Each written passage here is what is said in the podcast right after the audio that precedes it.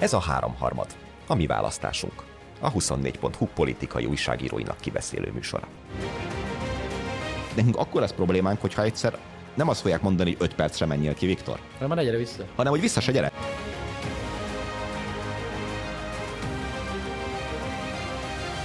Itt a Dániel Pető Péter, valamint Nagy József a 2023-as év utolsó háromharmadjában. Nem mondok felvezetőt, mert most az egész év a felvezetőnk.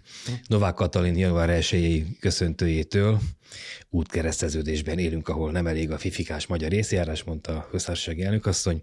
Egészen Orbán Viktor által celebrált, celebrált minapi kormány szóvivő- szóvivői tájékoztatóig, az én horizontomon ettől eddig terjed a 2023-as év a politika szempontjából. Nem függetlenül attól, ugye, hogy 22-én tesszük fel ezt az adást. Igen, igen. mondjuk, Hát, ha esetleg 29-ig még történik valami olyasmi, ami a Akkor bejö- fölférne a horizontunkra. Bejö- Bejövünk és újra, újra kezdjük az egészet. Csupán két kérdésem van, egy a belpolitikának, hogyan élte túl 2023-at a NER, egy pedig a külpolitikának. Az egész év történéseinek fényében értelmezzük azt a metaforikus képet, hogy a legutóbbi uniós csúcson Orbán Viktor egymaga szállt szembe az unió másik 26 országának miniszterelnökével. Belpolitikával kezdjük, tessék. Hát szerintem sértetlenül. A, ami annyiban meglepett. Tehát hogyan élted túl 2023-at Ja, bocsánat, NER? igen. Sértetlenül, igen. Sértetlenül, igen. Ami nekem a legnagyobb meglepetés eddig, és ö, ö, a újkori NER történetben, amit 2010-től ö, számítunk, azért, mert ö, az utóbbi években most volt a legrosszabb környezet minden szempontból szerintem a külpolitikai értelemben, most a, tudom, a belpolitikai részre koncentrálva, tehát a, a, a nyomások szerintem most voltak a legkedvezőtlenebbek az Orbán rendszerre, és ami a leginkább kérdés szerintem az emberek mérések szerinti legfontosabb problémáit, megélhetés, ö, egzisztenciális kérdések most érte a legnagyobb ö, ütés, ugye egy ilyen inflációs egy ilyen inflációs sokkot nincs olyan tudásunk, ami szerint egy kormányzó párt ilyen sértetlenül élhetne túl. Majd nyilván beszélünk róla részletesen. Én azért ebben újra és újra én ebben azt látom, hogy az ellenzék most már láthatóan tehetetlen minden formában. Tehát az, hogy így, túl, így átmenni egy ilyen típusú válságon szerintem valójában még ilyen rendszerekbe se lehet. Tehát az, hogy ne inogjon meg minimálisan se, hanem az, sőt az ellenzék inogjon meg, hiszen valójában az ellenzék kitérfélem van ha van valamilyen átrendeződés, ugye a kutyapárt, vagy a mi hazánk, vagy a, vagy Momentum DK viszony, akármi, de hogy a Fidesz pozíciója szerintem egészen sértetlen, a miniszterelnök pozíció is sértetlen, nekem ez elég nagy meglepetés összességében. Én többször is elmondtam korábban, hogy én azt gondolom, hogy amikor egy jelentősebb gazdasági sok van, akkor lehet a ö, akkor lehet gondolkodni, de az biztos, hogy mostantól az emberek gazdasági kilátásai, az ehhez kapcsolódó várakozásaik javulni fognak, már pedig ha azok javulnak, akkor a pártpreferenciák jelentős eltolódására mind kisebb az esély, most nyilván a, kivéve az olyan sokkokat, amiket nem látunk előre. Szóval számomra ez a sértetlenség, ez az év meglepetése is egyben a politikai, belpolitikai szintéren. Igen, a régi tudásunk alapján azt gondoltuk, hogy, hogy ilyen események azok kihívást jelenthetnek az Orbán rendszernek. Én nagyjából, hogyha így az egész évet próbáljuk értékelni, akkor ugye a 22-es választás után szerintem legalább tízszer elmondtam ebben a műsorban, hogy én nem számítok arra, hogy, hogy, hogy belülről választási úton és valamilyen belátható időn, tehát évtizedes távlaton belül ez a rendszer véget fog érni, és szerintem ez a 23, ez, ez nagyjából erre valamilyen ö, magyarázat az. Tehát nekem most ez a kérdés körülbelül úgy vetődik föl, mint hogy hogyan élte túl 1929-et a Horti rendszer.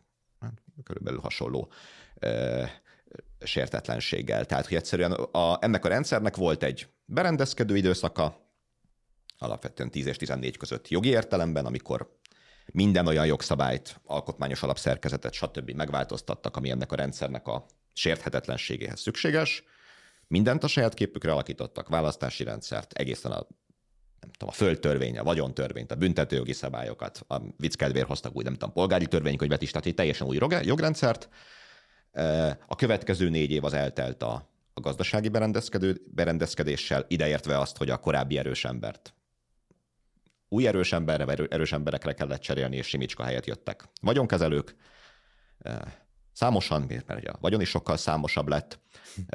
18 és 22 között még lehetett azt hinni, hogy hogy itt még valami történhet, ugye akkor volt ez a csodavárás az ellenzéki oldalon, hogy majd az összefogás, ott ugye 18-ban nagyon kikaptak erre, 18 végén talán, ugye akkor jött már a rabszolgatörvény. Igen. Akkor összeálltak, 19-ben az önkormányzati választáson lett ennek valamiféle eredménye. Szerintem egyébként valamiféle eredménye jövőre is lesz, mert a helyhatósági szinteken kicsit más a választók fejében lévő logikót. Nem feltétlenül Orbán Viktorról kell ítéletet mondani, meg az ő egész rendszeréről, hanem arról, hogy helyben egyébként ezek a meglehetősen kifosztott, jogfosztott önkormányzatok közül most annak vezetését kire bízzuk, és ott ki az, aki helyben jól funkcionál, és nagyjából most 22 óta érzem azt, hogy kifogytak ilyen szempontból a kérdések. Jogilag körbebástyázva, gazdaságilag, évtizedekre eldöntve minden kikezdhetetlen módon, azt, csak a héten, hogyha végig gondoljuk, hogy milyen híreket, meg számokat hallottunk, tehát éppen ugye a 400 milliárdból épülő hm. rövid kis autópálya útszakasz, úgyhogy ugye 35 évre Mészáros Lőrincnél az autópálya koncesszió, úgyhogy ami többszöröse a korábbi legdrágább autópálya. Igen, igen, igen, duplája talán, még az m 6 is. Még, még azon szörnyűködtünk, hogy egy kilométer autópálya 2 milliárd forintba kerül, és a, a horvátoknál, ahol azért nem is kell annyit alapozni, hiszen javarés sziklákon megy a, megy a stráda, ott felennyiből kihozzák, ez meg 8 milliárd. 9, azt hiszem, igen, igen. És addig ugye az M6-os volt a csúcs 4 milliárddal, ahol ugye több uh, alagút van, meg mint, Igen. mint Hát mit, mit hörögtünk azon, hogy Pécs környékén a, igen, a semmibe fúrnak alagutat. Meg a dombot a, meg kellett a... építeni, hogy alagutat tudjanak fúrni, ugye? Igen, meg hogy ugye volt az, a, a Völgyhíd Szántódnál, és Szántód Köröshegynél, és akkor az is dobáltuk ki a milliárdokat, azokat tételek ehhez képest. Hát igen, és az alajdomság sem az andok azért, tehát hogy ez egy kanyargos útszakasz, de és ugye itt is kiderül, hogy a minden mindennel, ugye, tehát hogy az alai autópálya, vagy tesztpályának lesz majd ez valami ilyen próbaszakasza, és majd nem tudom, a, a, valójában az autópálya fog menni, nem is az autók, azért ilyen drága, de hát odáig, hogy, hogy most akkor erről a múlt héten azt hiszem kibeszélték a srácok, hiszen az tegnap volt, hogy... hogy Még az idő is összekeveredik igen, ezekben az igen, őrült hogy, hogy éppen a pillanatokban. Utolsó dolog, amely nem volt privatizálva ebben az erős államot hirdető kormányzatban, azok a kastélyok, ugye most az volt a terv, majd meglátjuk, hogy a szilárd alapokon álló alkotmánybíróság ezt engedélyezi -e. Tehát, hogy megvolt a, megvolt a jogi, megvolt a gazdasági képlet, és a politikai képlet meg, meg kiderült, hogy nem hozott semmit. Az összefogás, annak az okairól nyilván ezerszer beszélgettünk, hogy miért nem, és most már tulajdonképpen összefogás sincsen, sőt azt látjuk, amit a Peti mondott, hogy az összefogáson kívüli pártok kezdtek el erősödni, a bent lévő pártok közül egy a jobbik biztosan kijött belőle, az LMP is, mintha ebbe az irányba menne.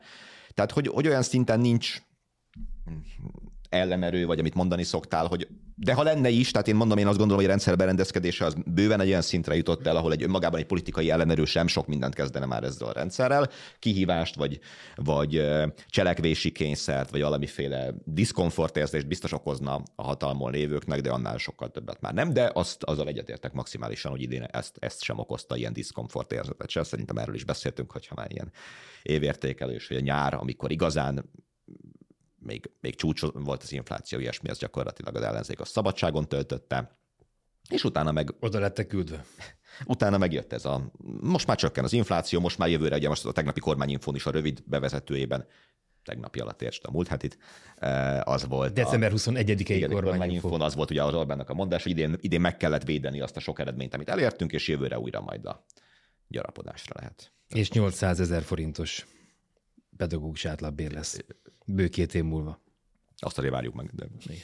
Igen, és ugye még azt is, ha már a kormányinfó úgy ott leszögezte, hogy az ő ízléséhez most éppen a hat hónapos ö, választások, választások előtti hat hónapos módosításra is közel. Ez csak azért jutott eszembe, mert a, szerintem még nagyon-nagyon erős tanulsága az évnek, és mondom, abban tök egyetértek Danival, nagyon kevés jelentősége van már ennek, mm. mert valójában amiről beszélünk az az, hogy egy érdemi és nyomás, meg ellenérdekek artikulálására képes ellenzék mondjuk képes-e a Fidesz támogatottságát 40 alá szorítani, mondjuk nagyjából ez a tartomány, hogy most arról beszélünk, hogy 44-en vannak, vagy 47-en, vagy 38-on, de ez egyébként bizonyos szempontból azért nem mindegy, tehát egy választókerületi bizonyos választókerületekben nem mindegy, közhatalmi szempontból egyáltalán nem mindegy, hogy valahol meg lehet-e roncsolni valamilyen mód, vagy kapirgálni.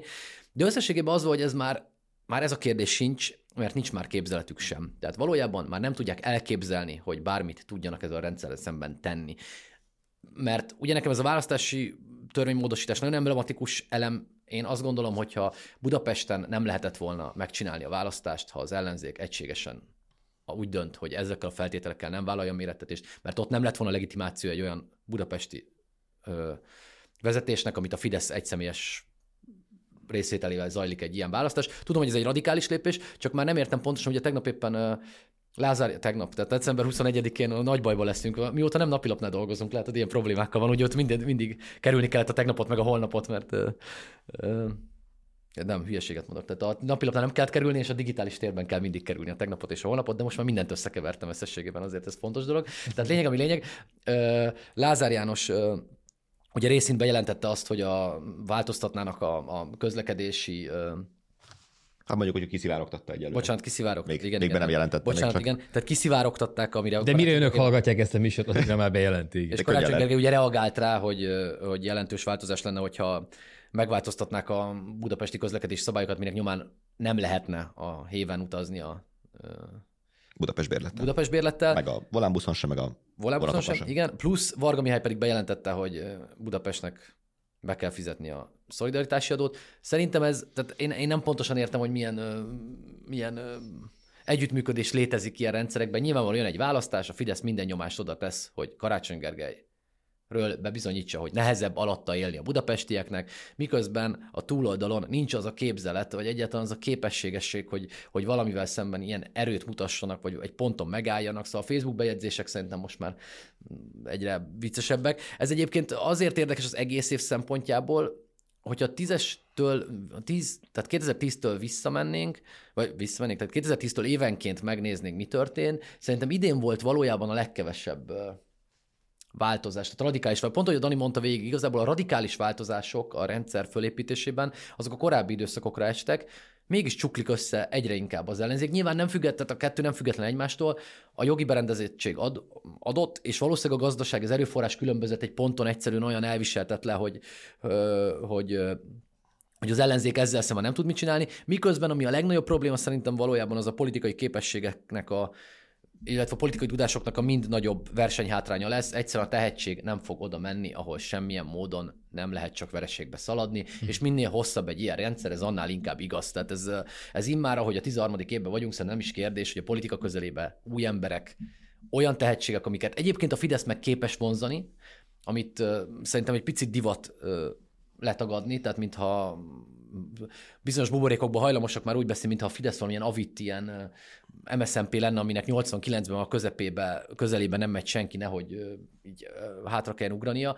Ez közel nincs így. Tehát a menedzser rétegekben, a, most nyilván lehet, hogy a, a szűken vett ilyen politikai, meg a Buda, Budapest belvárosában nem menő fiatal fideszesnek lenni, de összességében azért a NER elitben, a gazdasági elitben, a pénzügyi elitben szerintem egyáltalán nincsenek ilyen hatások, hogy, hogy ne lennének képesek vonzani ezt a, ezt a tudás és tehetségmennyiséget, amire szükségük van. Szóval szerintem nagyon más szakaszában van a NER, ahogy a Dani is mondta, mint azt szeretik képzelni a, a, a olykor olykor bizonyos jelekből az emberek, szerintem nagyon erős jelenleg ez a kikezdhetetlenül erős. Azzal együtt mondom mindig azzal a kitétel, hogy a politikában persze fél évre előre nem lehet olyan sokkokat látni, vagy olyan összecsuklásokat, amik persze, amik alapvetően változtatnak meg politikai modelleket, de hát most azért ezt elég, alacs, elég magas ott szaladnák azt hiszem a fogadóirodák. Majdnem alacsony mondtam most, eddig mindent összekevertem az minden relatív. közül. Igen, minden relatív, erre próbálok utalni. Ugye most, most már érvényét vesztette a Varsói gyors kép. Ugye mindig, mindig arról beszéltünk, hogy ami ott történik, az történik itt is, de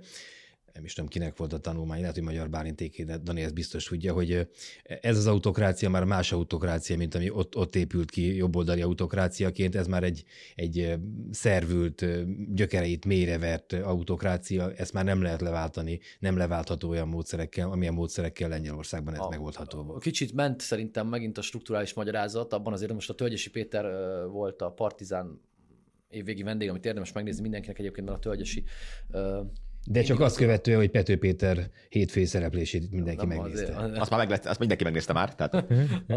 minden jó magyar. Hogy a... Minden jó magyar. A... Dünnyögi Pető Péter az oldalon. Élőt mondtam, nem szűk. Minden élő nem, magyar. Nem, nem, nem, nem, nem, a rossz szűk, magyarok is megnézték már. Nem szűkítek ilyen, ilyen formában. Szóval, hogy a, a tölgyesinek erre is van, tehát mindig érdemes megnézni szerintem, sokkal nagyobb távolságtartással és és nagyobb képben szokta elemezni a rendszernek a módosításait egyében, mint azt egyébként sokan elvégzik ö, ö, időközben. Olyannyira, hogy imponáló mindig azt szoktam nevetni, hogy a kevés olyan vendég van, aki nél a Marci egy ilyen 25-30 percenként tud egyszer egy, egy, egy közbevetést tenni, de ha úgy alakul. Az elején még próbálkozott egyébként az első néhány interjúban, de amikor rájött arra, hogy semmi értelme. Igen, igen, 30 hogy, hogy jó, majd erre is, és akkor utána folytatott, ahol a baj, azért le tudja lombozni az interjú készítőt, amikor az interjú alany azt mondja, jó, majd, jaj, ne hülyeskedj már, és akkor mondja a saját gondolatát. Igen, tölgyes ilyen szempontból azt hiszem unikális. Előad.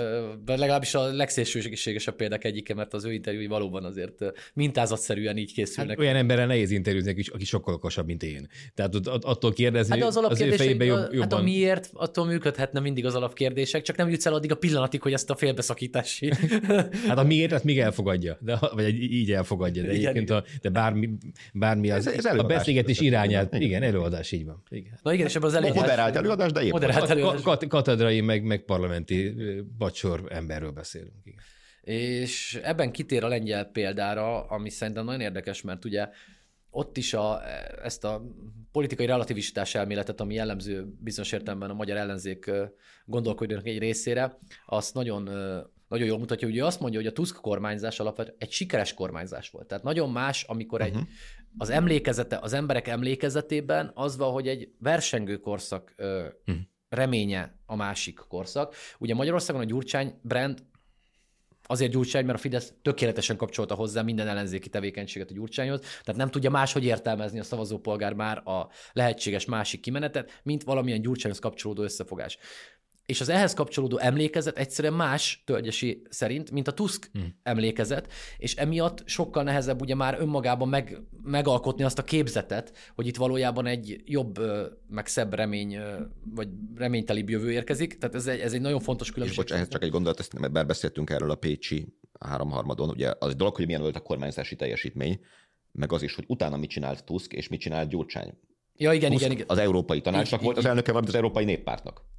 Tehát, hogy nem volt lengyel miniszterelnök, de egy olyan európai vezető, szintű abszolút. vezető volt, politikus volt, akinek nem, tehát ő hazatért, ő visszatért, és a, a, jog és igazságossággal szemben szavazni akarók számára valamiféle megváltást jelenthetett, amit azért a gyógycsányjal kapcsolatban talán kevesebben éreznek itt. Ja. És a másik oldalon is az ellenfél is más szerintem, tehát a Kaczynski az sokkal kevésbé képességes politikus, mint Orbán Viktor, ami a politikai pragmatizmus és a, politik- és a hatalom megtartási képességeket jelenti. Tehát ezt már szintén mondtuk szerintem ebben a műsorban, elképzelhetetlen, hogy Orbánék mondjuk egy olyan abortuszügybe beleálljanak, mint amit a Kaczynszkiek csináltak. Igen, ezt most nagyon pragmatikusan fogod meg, tehát hogy én az, ezt azért úgy is le lehetne vezetni, hogy egy picit talán elfűbb, vagy már ezt akartam mondani. Gondolati... Ja, én azt akarom mondani, hogy sokkal cinikusabbak, most ez ezt jelenti, tehát az Orbán... Hát a képességet mondtál, azért mondom, hogy... Hát mert a hatalom megtartási képesség szempontjából, tehát igen, a, igen, a Kaczynszkiek ilyen szóval idealistábbak, ami egy hmm. általában... Pragmatikus egyenlő cinikus.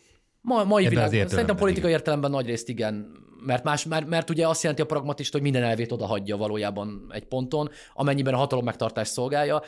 A Kaczynszkijéknél egy baloldalt szokták ugye mindig ilyen idealizmussal vádolni, valójában szerintem minden realista politikus odahagyja az idealizmusát, és, és egy ponton a közönségnek is játszik, vagy a közönség igényeihez szabja saját politikáját. Tehát ott ugye olyan ügyekbe mentek bele, amelyeknek világosan nem volt erős támogatottsága, sőt alkalmas volt arra, hogy megépítse az ellenzéki történet egy részét akkor, amikor a, egy szabad, szabadság döntéspárti ö, projektált szemben ezzel a keresztény és kemény ideológikus alapon álló politikával. Tehát ilyeneket az Orbánék kizárt, hogy megcsináljanak, ők ennél sokkal, sokkal többre, sokkal fontosabbnak tartják a hatalmat bárminél, mint hogy... Hát ezt most látjuk is, a, ugye beszélgettünk hosszan a Karsai Dániel ügyéről, és Igen.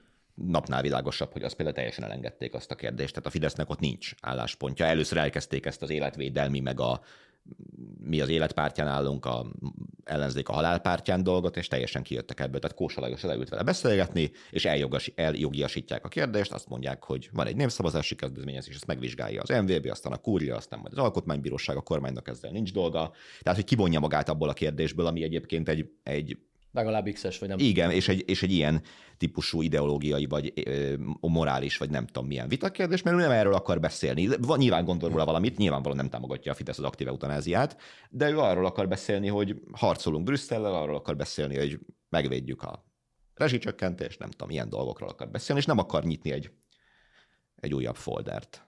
Abszolút, és az nagyon érdekes szerintem ebből a szempontból is, amit a Dani mond, a, tehát a Fidesz mintázatokhoz, tehát amikor nincs világosan, könnyen megnyerhető, akkor elszedi az ügyet, eljelentékteleníti, hiszen ha ő nem beszél róla, akkor nagyon nehéz hangot adni egy ügynek. Tehát, hogy valójában ő nem teremti meg a másik pólust.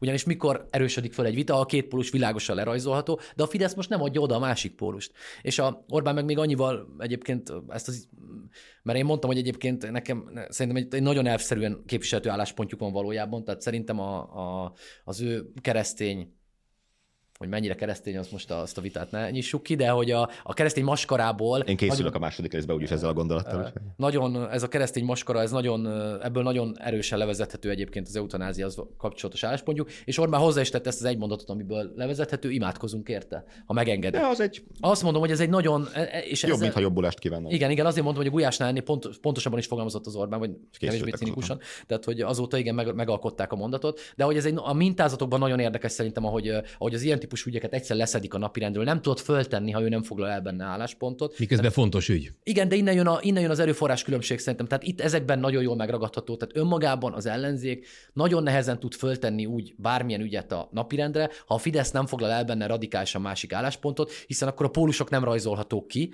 már pedig itt ugye ezt csinálják, hogy leszedik, tehát nem önmagában az ügyen túlmutat szerintem a politikai kezelése, érdemes nézni, ahogy, ahogy ahogy ezeknél az ügyeknél elfoglalják ezt a, a jogi megoldást, mint tudom, klasszikus eset, tehát hogy végigvezettetik azon a saját maguk alkotta rendszer, amiben valahol majd elakad, ha meg véletlenül átvergődik valamilyen ügy esetleg ilyen keretek között is, akkor két és fél év múlva, mire ezt lehetővé teszik, már élő ember nem tudja, hogy mi volt ennek a kiinduló pontja, ki képviselte, milyen uh, ez esetben különösen, igen. Ja, bocsánat, igen. Ne, nem, ne, ne, tehát azért hiszem, ez részben itt ez egy olyan kérdés, ahol így nyilvánvalóan nincs, nincs tér arra, hogy ez majd igen, végigfusson ez a kezdeményezés még a beladható időben. A Varsói gyorshoz még ha lehet egy mondatot, hogy a, ugye itt a maga a gondolkodás iránya is más, szerintem a kormány oldalon is. Tehát, hogy nem használják a kifejezést, de szerintem ők azt gondolják, hogy budapesti gyors van.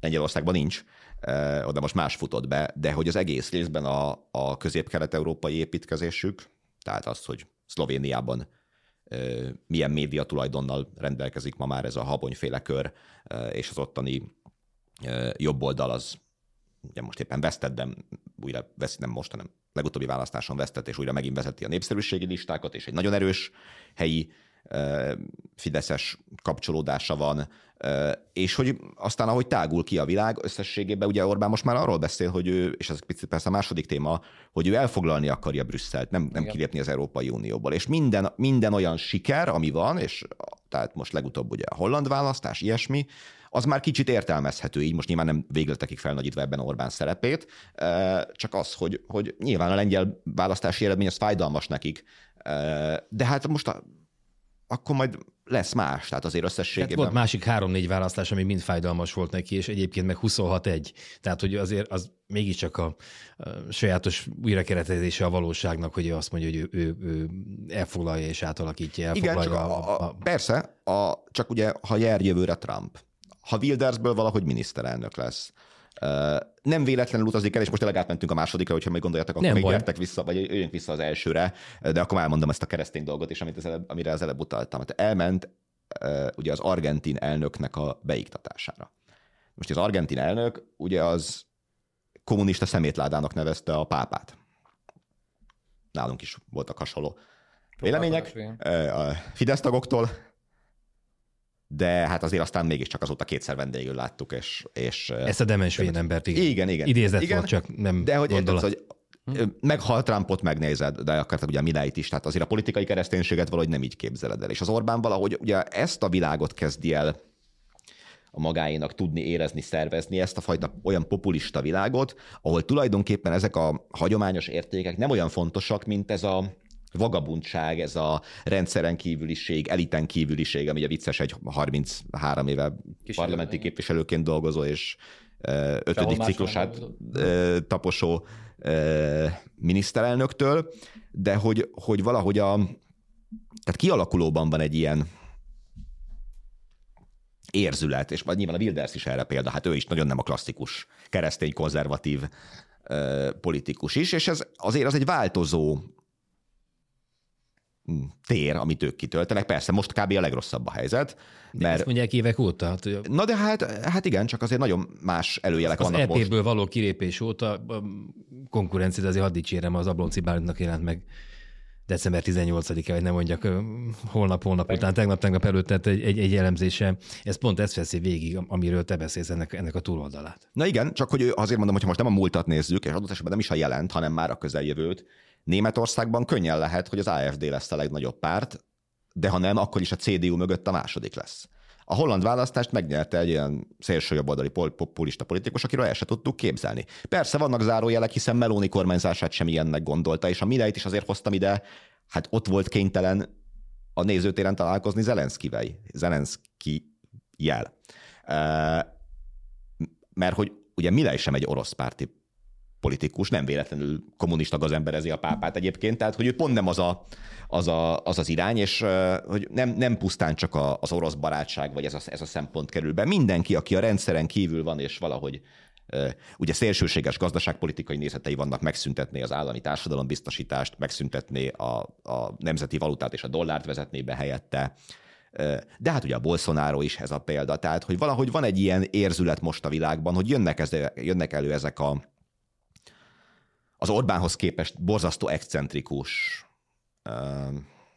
politikusok, akikkel ő láthatóan kialakít egy, egy kapcsolatot. Mondom, ezek döntően egyelőre nem Európában vannak, de azért a jövő évi EP választásnak az eredménye az valószínűleg nem olyan lesz, mint a 2019-es. Nem fogják átvenni az uralmat, különösen nem az Európai Tanácsban, de az Európai Parlamentben, parlamentben sem még, de hogy jóval nagyobb frakció, meg jóval nagyobb erő lesz valószínűleg azon az oldalon, ahol, ahol az Orbán áll. Hát de ennél kisebb nem igen tud lenni is. Ugye az Európai hát, Néppárt Innentől kezdve történ... sikerként lesz eladva. Tehát. Értem, de még mindig sikerként van eladva az, hogy 26 az egy ellen. És ugye mióta az Európai Néppárból kivergődött, ki, ki, ki, ki, kipörgött a Fidesz, azóta, azóta nincsen politikai otthona az Európai Unióban, miközben az Európai Néppárt pedig de ez neki nem sikerkritérium, tehát hogy szerintem ez az érdekes benne, ugye neki nem sikerkritérium ez. Tehát, hát de azt mondta, hogy ő átalakítja az európai politikát, és ő majd megszervezi az Európai Néppárton kívül azt az új ö, alakulatot, ahol majd ők átalakítják az egész európai ö, a brüsszeli politizálás, ez, ez, ez, ez nem, nem történt igen, meg. Igen, igen. És hát ugye de most, most is azt mondja, de, de és ha nem, 26 de és ha nem, tehát, én, tehát az van... Le, hogy... Letolja a torkunkó, persze. Most ugye nem az, hogy most arról beszélek, hogy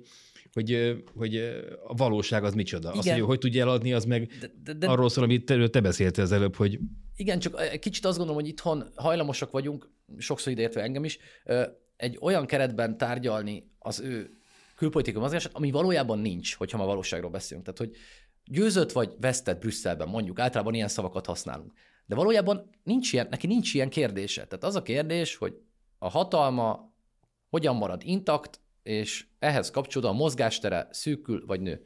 Neki nem szűkült most a mozgástere Brüsszelbe, mert valószínűleg már nem volt hova, az itthoni hatalmát pedig maximum erősíti, hiszen építi azt a amit korábban is elkezdett, ugyanazt a logikát csinálja végig. Ő, hm. kettő, ő a háború kitörése óta konzekvens abban, amit csinál, és azt gondolja, utoléri az idő, amit a Dani mondott, ugye a Fidesznél sokszor szokták, azt hiszem, az konkrét Orbán idézett, de ha nem, akkor majd kijavítom magam, hogy nem igazunk van, hanem igazunk lesz. És láthatóan a migrációs válság idején felvállalt pozíciója, neki a fejében szerintem egy olyan váltást hozott, hogy van egy ilyen van egy ilyen bátorsága és kockázatvállalási képesség, hogy elhiszi magáról, hogy utól fogja érni az idő. És valójában egyébként egyik esetben sem gondol nagyon-nagyon nagyot, valójában, hanem mély pessimista, realista logikán van végigvezetve. Tehát mi történik akkor? Az embereknek elegük lesz egy ponton a migrációból, ha az határtalan. Erre jó eséllyel jó eséllyel lehet tenni tétet, hogy igen. Az embereknek egy ponton belefáradnak-e a háborúba komplett emberi történelemben arról szól, hogy elfáradnak a háborúban. Tehát, hogy, és, ez, és ez változásokat mozgat,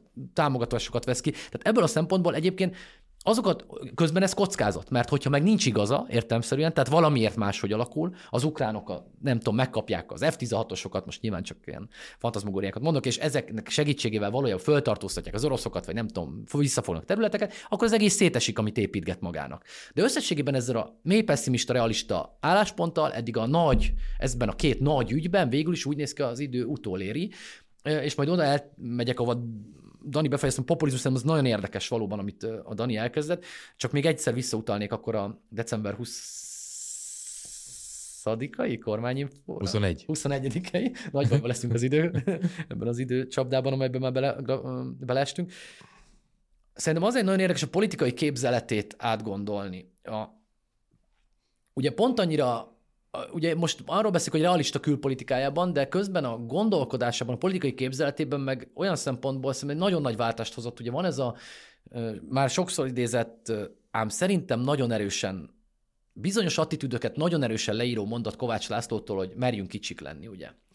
Ami egyszerűen azért érdekes, hogy ez a korábbi külügyminiszter mondta, lényegében egyébként az is egy realizmus, tehát azt mondja, hogy ekkor ez az ország, mozgástere szűk, tehát nekünk egyszerűen követnünk kell azokat a kapcsolati vagy szövetségi rendszereket, amelyeken belül Magyarország képes lehet az érdekeit érvényesíteni. Egyébként az Orbán is megtartja bizonyos értelemben sokszor ezt a gondolkodásmódot, mert nagyon sokszor hangzik el tőle most is egyébként ez a kormányinfo, hogy tudjuk a helyünket, vagy, vagy most Hadd idézzem őt Nem tudok kivonulni, azt akarod? hadd idéz, Igen, igen, id- idézzem őt a Magyar Külügyi Intézet, Intézetben, az a 10 perces beszéd, amiről mi is beszéltünk itt két-három héttel ezelőtt.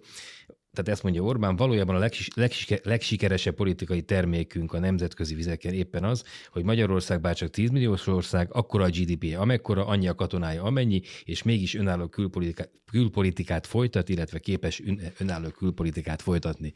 Mondtam ezt nagyjából tízszer belebakizva a mondatba, de talán érthető volt még így is. Ugye ez Na és- alátámasztva na, azt, amit te mondtál. Ez a realizmus fejében van, de a képzelete, a politikai képzelete meg túlmegy ezen, hiszen mit mond, és nagyon érdekes nyelvileg is, amit mindig egy lebecsült vagy, vagy alultárgyalt része a politikának, az a, a, a, a nyelvi keretezés az egyes ügyeknek. Ugye amikor a mini Dubajról van szó, ami ugye egy zuglóban készülődő óriás beruházás Dubajjal, akkor azt mondja, hogy ő nem használja a mini szót, és mindez előttük zajlik, tehát kicsit olyan már, mintha meg szeretnék tanítani az ellenzéket, hogy legyen valami, valami versenyhelyzet, mert már kicsit unják szerintem ezt a politikai ellenfél nélküliséget.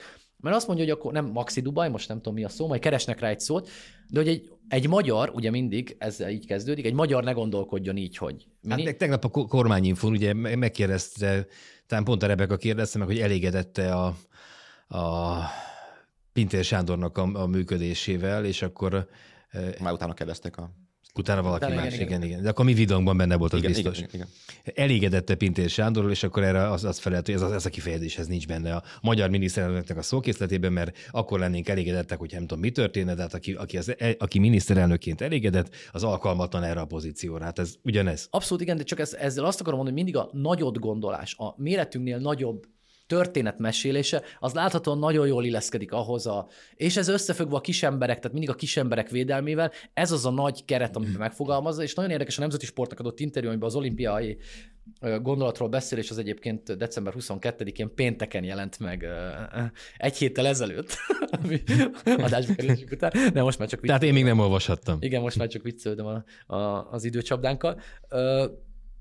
Amelyben azt mondja egyébként, hogy Budapest, Megfingatták az interjúban? gondolatot Szülősi György készítette. Atya Isten. Azt hiszem a hajrá magyarok egy erősebb kérdés lenne, mint amik itt elhangzottak összességében, a, egy nehezebb helyzet, de ettől függetlenül nagyon érdekes az Orbán, hiszen ha szabadon beszél, az is, az bizonyos értelemben sokkal érdekesebb sokszor, mint a, mint a mint az ilyen helyzetek, mert ilyenkor szabadon elmondja, mit gondol, és az olimpiára egy nagyon érdekeset mond, Ugye azt mondja, hogy Budapestnek a következő, ahhoz, egy következő szintre lépjen, a nagy fejlődési esély egy nagy álom.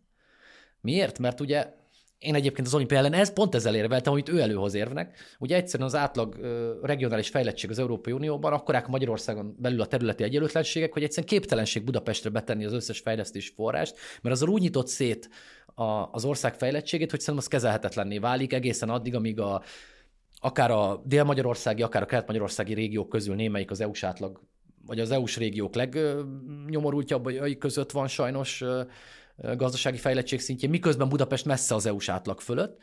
Erő azt mondja, hogy pont ezért csak akkor tud betenni már oda a kormány jelentős fejlesztéseket, tehát új szintre emelni Budapestet, ha van egy nagy közös álom, mint az olimpia, de mi nem akarjuk rájuk kényszeríteni. Tehát Budapestnek kell úgy dönteni, hogy akarja ezt a következő szakaszt, amikor Budapest még egy szintet tud lépni, mert ha akarja, akkor a kormánynak egy ilyen nagy álomra van szüksége, hogy ez megtestesüljön. És szerintem az egész politikai gondolkodásából sok jön ebből a Maxi Dubaj, olimpia, és az, amit mond a magyarokról, a magyaroknak, és hogy miért van a kis em, át, most nem tudom, hogy nevezzük, mindegy, alsó középosztályban ö, nagy támogatottság, szerintem ezek nagyon szépen illeszkednek a mozaikok. Ebben van egy erős elitellenesség, és akkor visszatérek oda, amit a Dani elkezdett. Ugye valójában pop- populistának hívjuk leíróan ugyanezeket a politikusokat, akikről beszélünk, a Wilders-től, a Mileig, az argentin elnökig, a, a nem tudom, a Trumptól, a, most már a Ficóig, tehát hogy egy, ezek irtózatosan eltérő, háttérrel érkező, egészen elképesztő karakter különbségekkel megjönő politikusok, és a populizmus hagyományos definíciójából nem is biztos, hogy jó leírás, de szerintem most már így a közbeszédben, a politikai közbeszédben sokkal inkább használjuk arra teljes mainstreamen kívüliségre, tehát valamilyen típusú, ez a vagabund az jó szó volt, tehát valamilyen ilyen egyéni utat kereső politikusokra, akik ilyen-olyan okból a hagyományos, konszenzusos demokrácia kereteket, amin belül ezek a nagy, egykori nagy néppártok határozták meg a viszonyokat, azokkal azokkal keresik a konfliktust, és valójában az Orbán meggyőződés az jól látszik ebből a beszélgetésből, de mindegyikből, hogy ezeknek a központoknak már nincs kapcsolat a valósággal, nem érzékelik az emberek problémáit, ezért nem értik, hogy a migrációval kapcsolatban mi lesz a két-három év múlva a, az alap beállítódásuk, ezért nem érzékelik, mi lesz a beállítódásuk a, a háborúval kapcsolatban, és ezért nem érzékelik, hogy mondjuk az olyan identitáspolitikák, amelyek uralkodnak bizonyos egyébként Magyarországon a legkevésbé, tehát Magyarországon persze hülye példa mindig, hogy az Orbán ezzel mondja, de mondjuk az angol száz országokban a, a, a, a, a, az identitás politikáknak a, a közp, vagy a, fók, a fókusz ezeken, az nyilván a emberek egy jelentős részének valójában idegen, vagy nem, nem érinti a napi problémáit. És a tölgyesi nagyon érdekes ahhoz fel egy példát, még, még egyszer visszautalva rá a karácsonyi működésből, amikor azt mondja, hogy egyébként az amerikai baloldalról valaki vizsgálta ezt a biciklis projekteket, és ő arról meg ugye azt mondja, hogy valójában az is egy ilyen elit projekt, hiszen a belvárosban élő egyetemi kampusz életből következik ez a menjünk biciklivel, miközben a periférián élők, akik a városba sokat kell menniük, hogy dolgozzanak, hogy a gyerekeket mm. ide-oda vigyék, azoknak nem opció valójában, vagy nem ilyen opció. Nyilván el kell választani az amerikai távolságok a városokban és a tömegközlekedés helyzete nagyon más, mint Magyarországon, tehát ezt nem kell egy az egybe átvenni, vagy nem is fordítható le egy az egybe nyilvánvalóan Magyarországra, de a gondolat mögöttiség szerintem nagyon érdekes, pláne ha megnézzük egyébként azt, hogy hogyan alakul a külvárosok ö, szavazói térképe, hogyan erősödik ott a Fidesz a korábbi hagyományos baloldali bástyákban, Hiller István választókerületek, Unhalmi Ágnes választókerülete sorolhatnánk, ahol döntetlenek lettek olyan választókerületekben, amit Hiller azóta nyer, mióta betette a lábát oda körülbelül. És ezzel szemben hogyan erősödik az ellenzék ugye olyan budai kerületekben, ahol korábban a, a Fidesznek valószínűleg egy villanypóz, vagy egy, nem tudom, egy telefonfülkét is elég lett volna elindítani, ha a Fidesz uh-huh. matrica rajta van. Tehát ebből a szempontból nagyon érdekesek ezek az összefüggések, és nagyon érdekes valóban, hogy, hogy mikor lesz képes egy ellenerő ezt a, ezeket a problémákat megfogalmazni, és valahogy megérezni, hogy hol vannak a, a, az embereknél még olyan nyitható kérdések, amikbe be tudnak menni. Orbán láthatóan ezt érzi valójában, hogy, hogy nem itthon találja ezeket a kihívásokat már, hanem a nemzetközi szinten látja, vagy ő ott látja már azt, hogy, hogy, hogy ezeknél az egyes országokban el lehet érni olyan módosításokat, vagy olyan hatalmi erős hatalmi ö, átrendeződéseket, amik hosszú távon egyébként majd segítenek neki, és majd még visszametünk a 25 hez de most már 40, 40 percet beszéltem. Úgyhogy... Tölgyesi Igen, igen. Hogy, hogy át szerintem ez sok, sok dolog jutott róla eszembe, vagy amire így, így reflektálnék, mert igen, tehát az Orbánnak régen is volt egy ilyen vizionárius alkata, a 98-2002 közötti igen, kormányzás a, ennek néha ilyen, ilyen mesterkértségével, de akkor is a, ezekkel a nagy, nagy álmokkal és álmok álmodásával és meghirdetésével, és szerintem összességében valójában ez az, amiben a legkevésbé hisznek az ő kormányzásával az emberek. Tehát persze én föl lehet vesteni ilyen víziókat, de nem véletlenül az olimpia az, amiből végül ki kellett jönni. Hmm. Pontosan, még, a, még azon a ponton, mielőtt abból valami óriási vereség lett volna, így is fölépítettek belőle egy ellenzéki pártot, amely azóta lerombolja magát, de hát mégiscsak ugye, nagy ellenszélben Budapesten. Tehát hogy, ugye most is, és ugyanaz a helyzet, mint amikről akkor beszéltünk, meg írtunk. Tehát, hogy a budapestieknek március 1 az lesz a problémájuk, hogy egy vonatjegyet, egy mávos vonatjegyet kell venniük akkor, hogyha a Szépvölgyi úton fel akarnak szállni a hévre és elmenni az Árpád hídig. Az viszonylag átélhető probléma ahhoz képest, hogy szeretnénk-e mi, mi a következő szabad időpont? Olimpiára? 36? Talán 36. 2036-ban olimpiát rendezni. Uh, és hogy tehát persze az Orbán gondolkodásában vannak ilyenek, meg, meg ugye mindig elmondja hány gyereke, hány unokája van, tehát hogy mintha ilyen távlatokban gondolkodna, de közben a politikai uh, működésük azért az valójában nagyon, nagyon a, azt a Kádár rendszeri érzületet vette át, tehát hogy az addig jó, amíg Kádár él, addig jó, amíg Orbán él, de hogy ebben nincsenek benne az, hogy mi lesz 2050-ben, hanem hogy mi lenne holnap, hogyha nem az Orbán lenne, és ez a fajta ilyen pangás, vagy nem tudom az, ami. Tehát én, én azt kevésbé gondolom, hogy az itthon az ő vízióiban hogy nagyon sokan osztoznának. Hát nagy, de a, érted, hogy, hogy szerintem az a vágy, hogy Tehát ez a kis Viktori kívül belül van benne, szerintem, hogy még ha kívül is vagy, tehát nem ér el ez a dolog, sőt, károsan érint, de nem akarsz a vesztesek közé tartani, nem akarsz kicsi lenni. Még akkor sem, a kicsi vagy. Vagy nem Igen, akarod hallani magadról, hogy kicsi. Én, én azt hiszem, hogy ezt sokkal kevesebben gondolják így át. Biztos Persze, a ez, ez érzet alapon mondom. saját azonosulásuk szempontjából biztos van olyan, főleg, hogyha megkérdezel egy, egy nem tudom, lelkes és olvasott Fidesz hívőt, akkor biztos nem azt mondja, hogy azért szereti az Orbán Viktort, mert olcsó a csirkefarhát, hanem ilyeneket mond. Ezzel együtt én azt hiszem, hogy az emberek többsége a csirkefarháton méri a, a, a nem, és nem pont azon, mert ez nyilván egy nagyon leegyszerűsítő dolog, tehát az egész jóléti, megélhetési, stabilitási, biztonsági vágyon keresztül, és nem az álmokon keresztül, de a másik részével viszont teljesen egyetértek, a 26-1 kapcsán egyébként. Tehát én azt gondolom, hogy amennyire lecinikusoztuk, meg, meg gondolat nélkül is meg műkeresztényeztük, meg nem tudom milyen az Orbánt, ebben az ügyben, ami a migráció volt, meg ami az ukrajnai ügy, ott ő hisz annyira a saját igazában, a saját jövőképének a biztonságában, hogy elmerje azt vállalni, hogy ő egyedül mond mást. Ami egyébként egy politikai bátorság, Tehát nem taktika, azt mondom. Szerintem nem. Szerintem nem. Hát annyiban taktika, hogy ő azt gondolja, hogy igaza lesz majd egyszer. Igen, igen, igen, igen. De, de tényleg azt gondolja, és én azt elmondtam a- az élőadásban is, mármint a, a közönség előtt felben, az ukrán EU tagsággal kapcsolatban szerintem minden kritikája valós. Tehát valóban az a kérdés, hogy jobban jár-e Ukrajna azzal, hogy most beígérjük nekik az Európai Uniós tagságot, ami soha nem fog megvalósulni, de évtizedes távlatokon belül biztos nem, hiszen olyan problémákat nyitnak ki, például, hogy az összes most a közép-európai térségnek jutó támogatást Ukrajnának kéne adni, hiszen olyan szinten van minden gazdasági mutatóban az uniós átlag alatt, hogy egyszerűen a fejlesztési forrásokat csak oda kéne adni. Ez már a közép-kelet-európai országnak se érdekük, lehet azt mondani a franciáknak vagy a spanyoloknak mindegy, Mert úgyis fizetnek. mert igen, de a hollandoknak úgyis mindegy, mert most magyaroknak adják a pénzt, vagy az ukránoknak, de ennek az utóbb bekerült tíz országnak már egyáltalán nem mindegy. De és akkor valóban a munkaerőpiaci kérdések. Eh, Tehát, hogy, hogy nem Ez lesz... igazából most egy gesztus a háborúban álló Ukrajna Igen, de- felé, hogy majd 10-20-30 év múlva beférhettek, és el lehet kezdeni tárgyalni. Tehát magyarán ott van a kezünk a buksitokon, ez jelzés Putyin Hát felé ez a- is. igen. E- Erről szólna ez az én olvasatomban. Hát csak, hogy ezzel, ezzel akkor beljebb lesz -e Ukrajna egy, egy centivel is, főleg, hogyha mondjuk jövőre adott esetben Trump nyer, és egy esetleg mondjuk csökken az amerikai pénzügyi támogatás. Tehát, hogy ilyen értelemben szerintem nem fog olyan, olyan közvetlenül kiderülni, hogy igaza volt-e, vagy igaza van-e, mint a migráció kapcsán, mert nem fog megvalósulni Ukrajna uniós tagsággal tényleg belátható időn belül. Hát nézzük meg a törököket, akik 24 éve kapták meg a, az engedélyt, hogy elkezdjék a tárgyalásokat, de hogy itt ő, ő abban hisz, szerintem valóban hisz benne, hogy ez nem egy racionális dolog. Magyar szempontból semmiképpen, de egyébként valószínűleg még, még uniós szempontból sem. És Azért ő szokott mondani kevéssé racionális dolgokat, csak azért, hogy valamilyen képet fessen saját magáról. magáról persze, csak most itt, a, itt a, arról a projektről beszélünk, hogy, hogy Európának ez vajon érdeke, és, és Európa is saját mindez. magáról próbál egy képet festeni, illetve demonstrálni azt, hogy? Ukrajnának, Putyinnak, Hát csak Ukrajna, Amerikának. Ukrajna nem, Ukrajna nem mi vagyunk, érted? Neki az a logikája. Tehát, hogy az európai mi az, mi az Európai Unió vagyunk. Igen, és az Európai Uniós polgárok azt akarják, hogy az egyébként pillanatnyilag háborúban álló és részben megszállt Ukrajna tagja legyen az Európai Uniónak. Nem az van, hogy 26-1 az aránya miniszterelnökök között, de hogyha a választókat megkérdezed, akkor nem egészen ilyen arányt fogsz majd látni.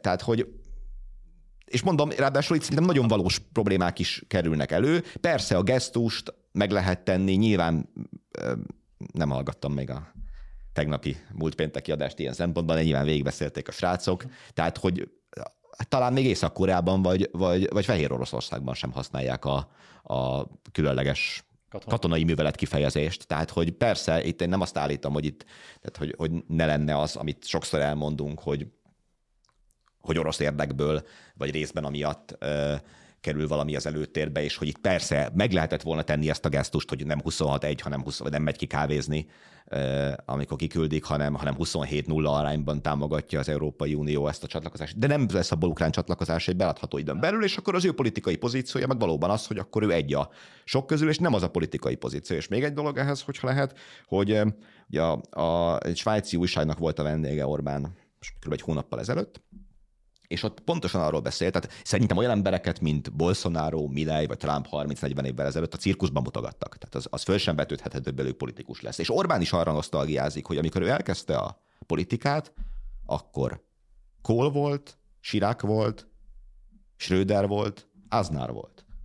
Most nem teszi hozzá, hogy most Scholz van, de hát valójában hozzáteszi, és hogy az ő, tehát nincsenek nagy formátum európai politikusok, mint amilyennek ő szemmel láthatóan gondolja magát, az elvi pozícióinak mondjuk azt, hogy a markánssága miatt egyébként lehet, hogy joggal is, hanem ezekkel a korábban ilyen, ilyen bohóc tréfának gondolt, de hát egyébként baromi nagy országokat vezető, aztán majd ugye a Trump és meg a Bolsonaro is elég hamar megbukott rögtön az első adandó alkalommal, tehát meglátjuk, hogy ez mennyire lesz egy tartós jelenség.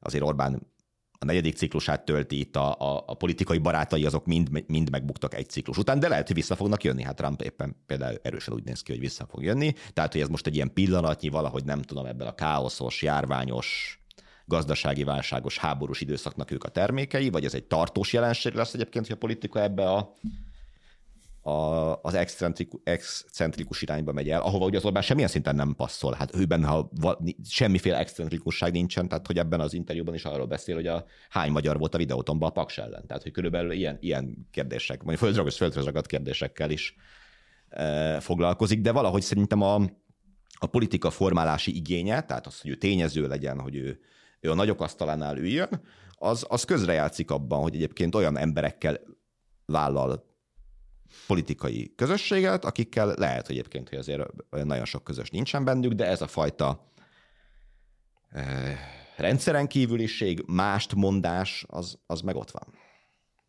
Szerintem igen, még egyre visszatérve az elejére, hogy, hogy én nem azt állítom, hogy a nagy történetnek köszönhetően van hatalmon a Fidesz, hanem az, hogy nagyon fontos a politikai képzeletük, és ez a típusú történet, hogy ezt tartozni akarsz, az más kérdés, hogy ezt nyilvánvalóan teljesen egy olyan típusú gazdaságpolitika támasztja meg, meg hatalomkoncentrációs politika, amivel éppen kiszolgálják, és ezeket a tényleg a csirkefarhát, a hatósági árak, az per, per, nyilvánvalóan ezek azok az eszközök, amikkel elérik, hogy a gazdasági oldalon se érezd a valóságot amúgy alapvetően, hiszen egy csomó olyan időszak volt, amikor rettenetesek voltak a gazdasági mutatók, ennek ellenére ilyen eszközökkel képesek voltak ö, ö, képesek voltak valahogy konzerválni, konzerválni a támogatottságukat, ez, ez az egyik részére. A másik, ez valóban nagyon érdekes a, a, a mozgása ebben a, az értelemben, és ott, ott egy nagyon, ott szerintem nagyon erősen telibe találja azért, ami zajlik. Tehát ezekben a karakter nélküli európai politikusokat látva, hát tényleg, tehát egy mondatuk nincs. Tehát igazából fölmondják ugyanazt, amit te már 92-ben elolvashattál az újságokba, és 2002-ben is elolvashattál. Tehát képzelet nélküliek. Tehát ez a Scholz kormány szerintem ez nagyon erősen megmutatja, hogy, hogy, hogy össze is omlott. Már abban azért támogatottság összeomlott, mind a három párt összeomlott. Ami nagyon érdekes, én ezért kíváncsi vagyok, hogy ez hogy fog alakulni, és ezért nagy a kockázata persze, mert mondom, szerintem itt olyan itt, itt nem kockáztat szerintem annyit, mint amennyi látszik a 26-1-ből. Hiszen ha bennmarad, és leszavaz, nem történik semmi, ugyanúgy nem lesz Ukrajna az Európai Unió tagja, ugyanúgy nem történik semmi. Viszont neki nincs meg az a pozíciója, amiből a menekült ügy után rengeteget profitált. Az a vizionárius, az embereket megértő, ikonikus figura. Tehát ebből a szempontból szerintem itt ő valójában olyan pozícióban maradt bent, ami neki hosszú távon meggyőződés, hogy használni fog. Tehát szerintem sokkal kisebb volt a kockázat, mert ha benn akkor is azt mondta volna utána, hogy egyáltalán nem ért egyet ezzel a döntéssel, csak azért, mert a 26 ezt akarta, ő végül föltette a kezét, semmilyen haszna nem lett volna, mindenki ugyanazt gondolta volna róla, Zelenszky is ugyanazt gondolta volna róla. És itt is van persze kockázat, mert most sem tudjuk, mi a háború vége. Ő betette a tétet valahova. Betette a Trumpra a tétet, de betette arra is, hogy ezt az oroszok nem fogják már semmilyen módon elveszteni, vagy nem tudom. Ukrajnát azért újra kell építeni, egyben biztosak lehetünk, ott a magyar érdeknek lesz a legkisebb szerepe. Tehát ez egy atomjaira, romjaira lőtt ország nagy részt. Nem véletlenül megy oda azért a gazdasági érdekek nagyon erősen határoznak meg politikai döntéseket. Azt az országot nulláról kell újraépíteni. Ott rengeteg pénz, írtudatos gazdasági fejlődés lesz a következő időszakban. Csak... És mindenki azt akarja, nyilván legyen minél hamarabb béke, ugye az Orbán is ezt mondja, de valójában mindenki ezt akarja értelemszerűen, hiszen nincs élő ember. Az Orbán mondja azt, hogy ők nem azt akarják. Hát persze, minden élő ember ezt akarja. Tehát mert már meghaltak, emberek szenvednek, tehát nincs senki, aki azt mondja, tovább szenvedjenek. Csak nem mindegy, mi az ára a békének értem, de ha egyszer eljön, attól függetlenül ott ugye egy a realitás az lesz, hogy egy szétlőtt országot újra fognak építeni. És ott nyilvánvalóan Magyarországnak sokkal kisebb szerepe lesz, mint lehetne egyébként szomszédos országként, mert Orbán máshova tette a tétet. Tehát e- ezek azért, tehát bármikor is gondolkodik, meg bármit is csinál, a kockázatai nagyok persze, de most a kilátásai szerintem nem olyan rosszak, mint a 26 egyből következne. A kilátásai szerintem sokkal jobbak ebből a szempontból, főleg a Trump miatt és a, a Biden kormányzat most már, hát, ha, ha, hova tovább összeomlása miatt, tehát a, most már 6-7 százalékos átlagkülönbségeket mér, most pont egy, azt hiszem, egy George állam bejött, ami ugye, ami ugye meghatározó a elnök személyes szempontjából. Most ott láttam pont egy 6%-os különbséget már a Meg... átlagközvéleménykutatók szerint Trump javára. Bocs. Ja, meg hogy szerintem az egészhez azt érdemes hozzátenni, hogy azokat a politikai idoljait, aki, akit felsoroltam, tehát hogy ezt azért tudja megcsinálni az Európai Unióban, mert azok, tehát ha, ha egy Kohl, egy Sirak, meg egy Aznár, meg egy Blair ülne ott az asztalnál, akkor nem lenne ilyen. Tehát akkor előbb-utóbb ezt élére állítanák ezt a kérdést, hogy Hát abszolút, de ugye Brüsszel az hát, egész lesz. Nem tudnak, or- elkezdtük értékelni az hát évet. Ők visszazavarnák a sarokba, azt mondom. Hát, persze. hát ezek fénymásolat politikusok. Tehát, ugye de ezek, miért? Miért? Miért? Mert, nincs kép, mert, mert, azért, mert ebbe azért nagy részt igazán, ugye beálltak erre a politikai konfliktus nélküli a nagy néppártok díljei egymást váltó négy évente, és ilyen mintázat politikusok jöttek, akik menedzselget, mint egy CEO-k, tehát ezek, a, ezek, a, ezek az unalmas ügyvezetői ilyen energiaipari cégeknek, akik tudják, hogy nem tudom, mit kell csinálni, hogy a bejöjjön a következő hónapban is ugyanaz, és ezek a figurák lettek a, ebben a világban is, és mert úgy tűnt, hogy vége a történelemnek. Tehát, hogy nem, nem nincs többé kihívása ennek a rendszer, vagy ők Igen, nem, kell, nem lesz annyi konfliktus, nem kellenek hirtelen politikai döntések, nem kell ilyen szempontból akkor, amit a Peti mondta. Nem kell karizma. nem kell karizma, se persze. Hát egy, egy... Jönnek a szakértők, hát ez itthon is micsoda toposz volt, jönnek a szakértők, akik, akik értenek ahhoz, hogyan kell, mert mi, miből fakad a szakértő toposz? Hogy nincs politikai konfliktus, tehát technikai kérdés a kormányzás, hogy lebony, lebonyolítod a belügyeket, te, Aha. de lebonyolítod az egészségügy menedzsmentjét. De valójában ezek, de hát szükségszerűen hívja ki a politika, hiszen a politika valamit mondani fog. Hiszen a politikai döntés az, hogy hogyan bonyolítod le az egészségügyet, politikai döntés, hogy mit csinálsz a belügyel, politikai döntés, hogy mit csinálsz a hadügyel, és ezek az emberek kihívták őket, és ezek a fénymásolat politikusok, akik egyébként mindannyian biztos sok nyelven beszélnek, csúcselit egyetemeken végeztek, valószínűleg ugyanúgy fogják meg a kávéscsészét mindannyian, hogy a német kancellártól a francia elnökön át a, nem tudom, a, a, a belga miniszterelnökig, és ezek, ezek a figurák ott, ahogy a Dani mondja, képesek egymás közt egyébként rendezni a menedzsment, inkább azt mondom, hogy üzemeltetni, üzemeltetni az Európai Uniót. Csak jött egy kívás, ami nem az üzemeltetésről szól, hanem arra, hogy alakítsuk át, hogy csináljunk mást, hogy nem tudom, és erre képtelenek reagálni. Hát ahogy a mond, Dani felsorolt a neveket, hát ezek közül bármelyikkel elképzelhető, hogy... De hát előbb-utóbb erre reagálni fog. Hogy, ez hogy, a hogy el tudjuk képzelni. Jön, jönni kell majd az új, új kóloknak, nem? Hát el tudjuk képzelni, hogy Kohl Orbán konfliktus, vagy, vagy Blair Orbán konfliktus. Hát igen, itt szerintem az, tehát hogy igen, az szerintem a, az is érdekes kérdés, hogy amit idén reakcióként látunk, és aminek az lett a vége, hogy néhány nappal ezelőtt Magyarország megkapott akkor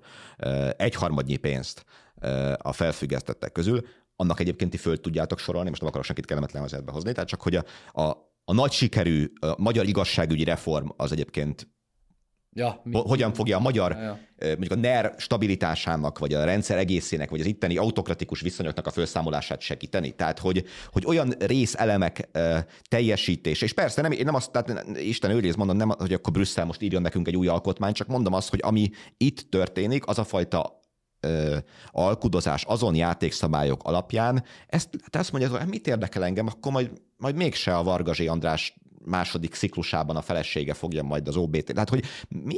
Ja, mert, mert a menedzserek, menedzserek megküldik azt, hogy ezt meg ezt meg ezt meg rátírják az SMS-t. E- e- eljátszák, a Kohl meg azt mondaná, hogy e, Viktor elmész anyában, velem szórakozol, hogy ez nem politikai, ezt akarod nekem eladni demokráciaként? Ez nem politikai megoldás, hanem jogi megoldás. Tehát, tehát, vagy hogy mondjam, tehát, hogy azt meg ki lehet kerülni. Elkezd, hát a jogi, hát most valahogy a Dani hát mondja, most, majd, majd, akkor izé most és persze nem, nem, biztos, hogy minden, tehát hogy majd ha, ha az lesz, hogy nem tudom, majd a gyermekvédelminek hazudott törvényt kell átírni a pénzekért, azt meg lehet, hogy nem fogják átírni, és akkor majd arra lesz egy kampány, hogy ö, át akarják műteni az ovisainkat, de hogy ez neki egy mozgástér, hogy azt mondják, hát mindent teljesítettünk. Hát azt kérték tőlünk, hogy csináljuk meg az igazságügyi reformot, megcsináljuk és tehát, hogy Akkor miben lehet reménykedni abból, hogy jönnek majd kólok, mert hogy van, van új kívás az európai nem, politika tudom, számára? Hogy nem, tehát, vagy... Mert az, bocs, a kérdésem mögött az van, amit, amit itt mindig el szoktam böfögni, amikor leülünk ez az asztalhoz, hogy számomra az lenne a legfontosabb kérdés, ami minden döntést át kéne, hogy hasson, ami a távolban az a pont, ahol tart, tartania kell a politikának, hogy hova tartozunk. Nyugathoz akarunk tartozni. Már Szent Istvánnál is nyugathoz akartunk tartozni. 88-89-ben plán oda akartunk tartozni, és most is oda akarunk tartozni, és nem lehet 26 egyeket előállítani, mert az egyrészt rombolja a mi lelkünket a, a választók lelkét, hogy mégis akkor tényleg hova tartozunk, meg rombolja a pozíciónkat abban a közösségben, amit éppen menedzserek vezetnek, de mégiscsak rombolja az, hogy, hogy mi, a mi miniszterelnökünk Alievvel haverkodik, és beszél, beszél a... a te, de a te ideálodhoz képest rombolja. Hát az ő ideájához képest nem rombolja. Mert ő nem érdekli, hogy a, nem tudom én. A... Hát de nem, nem az ő a kérdés, ugye a közösség a kérdés, ahol az nem kérdés. A mi közös hazánknak, hogy hova a kérdés. És az a kérdés, hogy meddig lehet feszíteni. A, ha már a banktisztviselők, akkor azt elmesélem, de nem tudom, megvan nektek, a Nigel Farage, ugye ő volt a, a UKIP-nek, aztán a Brexit pártnak a vezetője, ő mondott neki nagyon ikonikus beszéd a Herman van Rompuyról, már senki nem emlékszik rá, az Európai Tanácsnak elnöke volt. Ő is jön ott a plakátokon szerintem. Nem, nem, nem, nem, nem még a előtti időszak. Hát ő még ahhoz is kevés. A, és ugye Farage elérte azt, hogy a britek kilépjenek. A, ő maga politikailag gyakorlatilag megsemmisült, azóta egyébként a kilépést végig vezénylő konzervatív párt is a megsemmisülés szélén van, már mint abban az értelemben, hogy nagy vereségre és hosszú tartós ellenzéki létre készülhet. Ő mondott valami ilyesmét a Van Rompuynak ebben a nagy vitában, mikor először az e, Európai Parlament elé került a Brexit, hogy tényleg egy ilyen szemüveges, pici ember, egy banktisztviselő annyi karizmával, mint egy felmosórongy.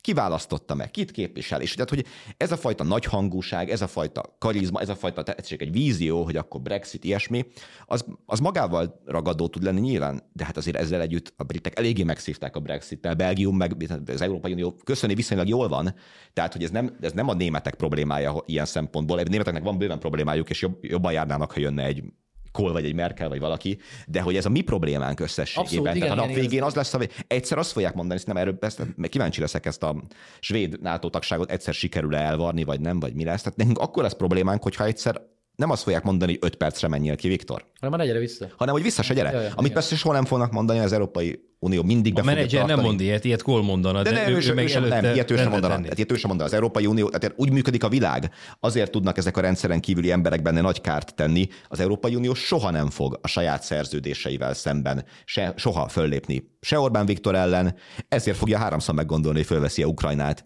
meg Törökországot, meg Bosznia-Hercegovinát, mert az Orbán elég jól megtanította őket erre. Tehát ők nem fognak jogellenesen a szerződésekkel szembe. Hát már az alapszerződéshez nem lehet hozzányúlni, az egész európai működés alapjaihoz, hiszen már a Lisszaboni szerződésnél láttuk, hogy már a nagy nyugati országokban se fog átmenni a népszavazás, se a franciáknál, se a belgák. Tehát nem, nem fognak, nem, olyan hangulat van. Van egy épület, amiben elég jól ellakik 20 hét ország, most már csak a, a brit kilépéssel. Ilyesmi, hogyha egy valaki, tehát nyilván nem akarják teljesen blokkoltatni, vagy nem tudom, megakadályozni a saját döntési folyamatukat, és abban nyilván van némi törekvés, meg nyomásgyakorlás, meg ilyesmi, de nem fognak minket kirakni az Európai Unióból, de nyilván el tudod feszíteni addig, ahol valójában már csak kár, kár, károkat okozol magadnak. Egyébként azt azért látjuk a, Amerikával kapcsolatban ez a kettős adóztatásról szóló igen, dolog, igen. az egy elég fájdalmas dolog lesz. Elég sok magyar cégnek, elég sok magyar befektetőnek, tehát fájdalmakat nyilván tudnak okozni, csak nagyon nagyokat nem okoznak. Igen, egyébként mondom, szerintem nagyon magasra teszi a kockázatot is mindig, mert ugye az, hogy ő beszáll ebbe, ez mindig a rizikót is növeli, mert amúgy nyilván minél kevésbé vagy látható, annál kisebb a rizikód is. Tehát ez, ez nagyon fontos, hogy a, az Orbán nyilván benne vagy bármikor túlbízza magát, hm. pláne egy ilyen helyzetben, amikor már kétszer jön, vagy ötször jön, vagy hatszor jön, az élet minden területéről ismerjük, tehát nem lennék szerencsejátékosok, ha, ha, ha minden utalás nélkül, hogyha, hogyha ez a logika nem működne, hogy, hogyha ez a logika nem működne, hogyha jön, jön, jön, vagy nem jön, akkor még, akkor jönni fog, tehát hogy, hogy ebből az értelemben szerintem a, a, a, a pszichét sem szabad soha kizárni, hiszen azért ezek a politikusok a legtetején, a vezetők azért egyedül vannak, és az ő pszichéjüket a hatalom hogyan változtatja egy ilyen időszakban. Tehát ebből a szempontból nyilván ott is lehet egy ponton olyan vakság, ami, ami miatt a szakadékba zuhan, tehát ebbe azért... Mert elhiszik azt, hogy, hogy nincs, a menedzsmentben nincs érzelem. A kolban van érzelem, a kol mint metafora. A menedzsment, hát azt mondja, hogy csinál Viktor, mondja csak, fölraksz a plakátra, ki nem szarja le. De egy, egy, egy, egy, egy, egy karakterben abban azért van érzelme. Ő mondhatja azt, hogy nem azt, hogy takarod ki az unióból, legalább takarod ki a szobából a, a egy óromba, ez csak vissza. És azért mondom, most már, most már csak ilyen egy mondatokban, hogy a, egyrészt azért a, az nagyon fontos, hogy a, a nagy geopolitikai kereteket is nézik azért minden ilyen. Tehát Magyarország azért lesz mindig benne, ameddig önnön, ha meghatároz, önnön határozatából ki nem vonul, mert egyszerűen nem adnak föl Európa határán egy országot, hiszen ha kimennek, akkor Kína vagy Oroszország fog bemenni. Ez nem olyan bonyolult. Tehát a, a nagy geostratégiai játék azért úgy zajlik. Most persze mondhatjuk, hogy már most is itt vannak, de a Kína biztosan, és Oroszország is biztosan valamilyen formában, de még ezzel együtt is az Európai Unión belül kell szavazni Orbán Viktornak, és a nato belül van Magyarország. Tehát van a katonai és a politikai szövetsége, még ha be is jön a Kína meg az orosz, a legvégén, a nap végén Brüsszelbe kell könyörögnie, és az ő diktátumokat kell végig vezetni az igazságszolgáltatási rendszer azért, hogy pénzt kaphasson. Tehát egyszerűen nem ad föl pozíciót, mert abban hogy fölad egy pozíciót, akkor egy országgal beljebb vannak az ilyen típusú hát Akár rakétákkal is egyébként. Ugye Akár, pofit, pofit, pofit szoktuk emlegetni, hogy jobb egy Pershing a tanyámon, mint egy orosz az anyámon, de ugye itt a Pershing az lehet a, a, az orosz megfelelő. Nyilván is az orosz rakéta is bekerült Geostratégiai szempontból ez mindig így van, ez nagyon érdekes egyébként, hogy minél inkább vagy a NATO vagy az EU tagja, annál inkább tudsz dílelni az oroszokkal meg a kínaiakkal, hiszen van egy katonai védelmed, hozzád nem nyúlhatnak. Tehát magyarul a NATO lényegében azzal, hogy, vagy az Európai Unió meg a NATO azzal, hogy bevesz egy olyas valakit, ki vele egyébként szórakozik, a NATO-val kevésbé nyilván az Európai Unióval szórakozik sokszor Magyarország, ám annál, miközben beveszi és szórakoztat vele, annál inkább teremti meg a lehetőséget Magyarországnak, hogy kinyissa a gondolkodását az oroszok és a kínaiak felé, mert előttük meg van egy gát, hogy ez már egy EU-s ország. Tehát egy, e, ugye pont ezt teremti meg a Orbánéknak a kelet-nyugat lehetőséget, hogy van egy nyugati fix helyzete, hiszen ezeknek a szövetségi rendszereknek a tagja. Ennek köszönhetően van nagyobb mozgástere a tárgyalásokban a másik kettő fele, mert nincs annyira kitéve, hogy hopp, akkor majd bemegyünk rakétával, most ez nyilván metafora szintén. Tehát ezek nagyon érdekesek, mondom, a geostratégiai rész is.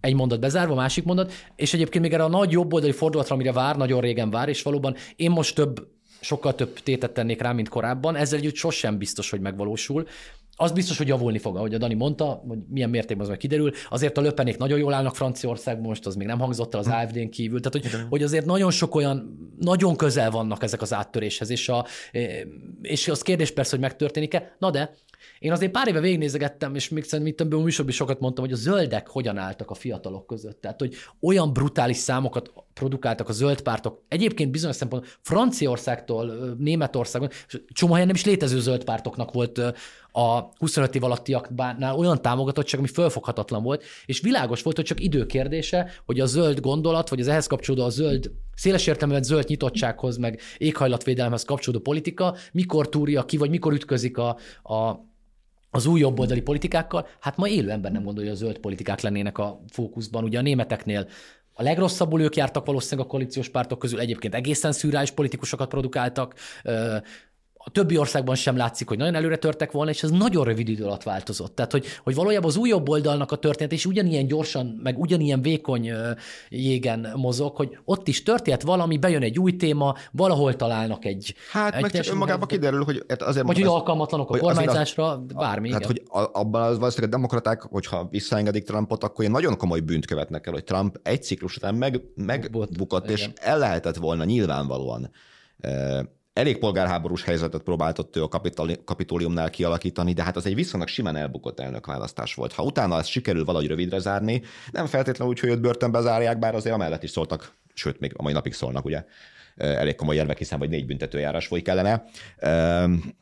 De nyilván nem az a megoldás, hanem a politikai győzelem, és hogy, hogy is. is. A, a Bolsonaro is rögtön az első adandó alkalommal megbukott, és visszahozták azt a Lulát, aki előtte volt. Tehát, hogy, hogy, hogy azért igen, az, az más, és ugye ez nincs kipróbálva, tehát nem volt még hatalmon Löpen, nem volt még hatalmon az AFD, hogy valójában azért persze, főleg egy ilyen nagyon válságos, nagyon turbulens időszakban azért, azért beszélni könnyebb. Tehát már meglátjuk egyébként, hogy Javier Milei például megszünteti ilyen majd a, a, a, nem tudom, az argentin pezót, és bevezeti a dollárt valutaként, és megszünteti az állami társadalombiztosítást. De hát a Brexit is jó példa. Ja, ja, hát a komplet angol jobb oldal meg Ráment, így van, Tehát, így van. Igaz, nem rögtön, hanem néhány év kifutással, de hát vége van. É, Tehát, és hogy, hogy az Orbán... az kudarcról kudarcra. Igen, és az Orbánnal kapcsolatban is az van, hogy persze azért valójában amit elmondtam az elején, hogy alapvetően a saját rendszerét stabilizálta, és nem, nem fölforgatta az országot, sok szempontból fölforgatta az országot, eh, meg belenyúlt viszonyokba, de hogy összességében egy, egy olyan rendszerépítésnek a keretein belül, ami nem egy ilyen, nem tudom, nagyon szélsőséges dolog volt. Tehát intézmények elfoglalása, vagy az alkotmánybíróság elfoglalása az, az a, egy ilyen közjogi értelemben az egy súlyos határátlépés, de ugye összességében a te életedet nem ez befolyásolja.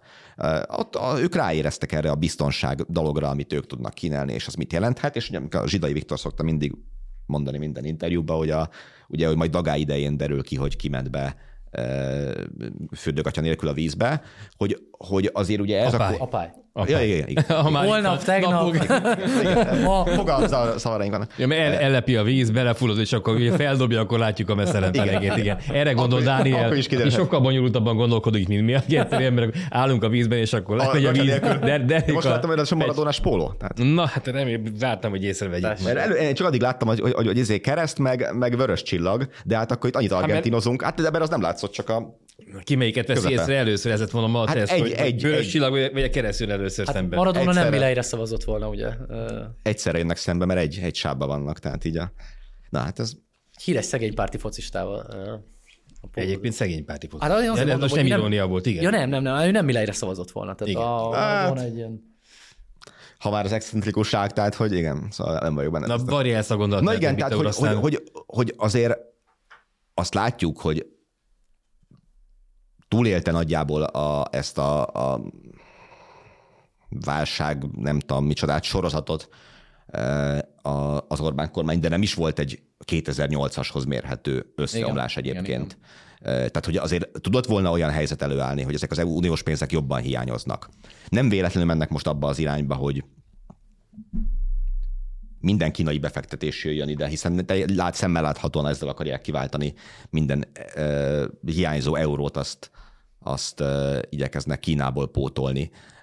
És hogy, hogy azért egy olyan irányba megyünk, hogy minden környező országban euróval fognak fizetni pillanatokon belül.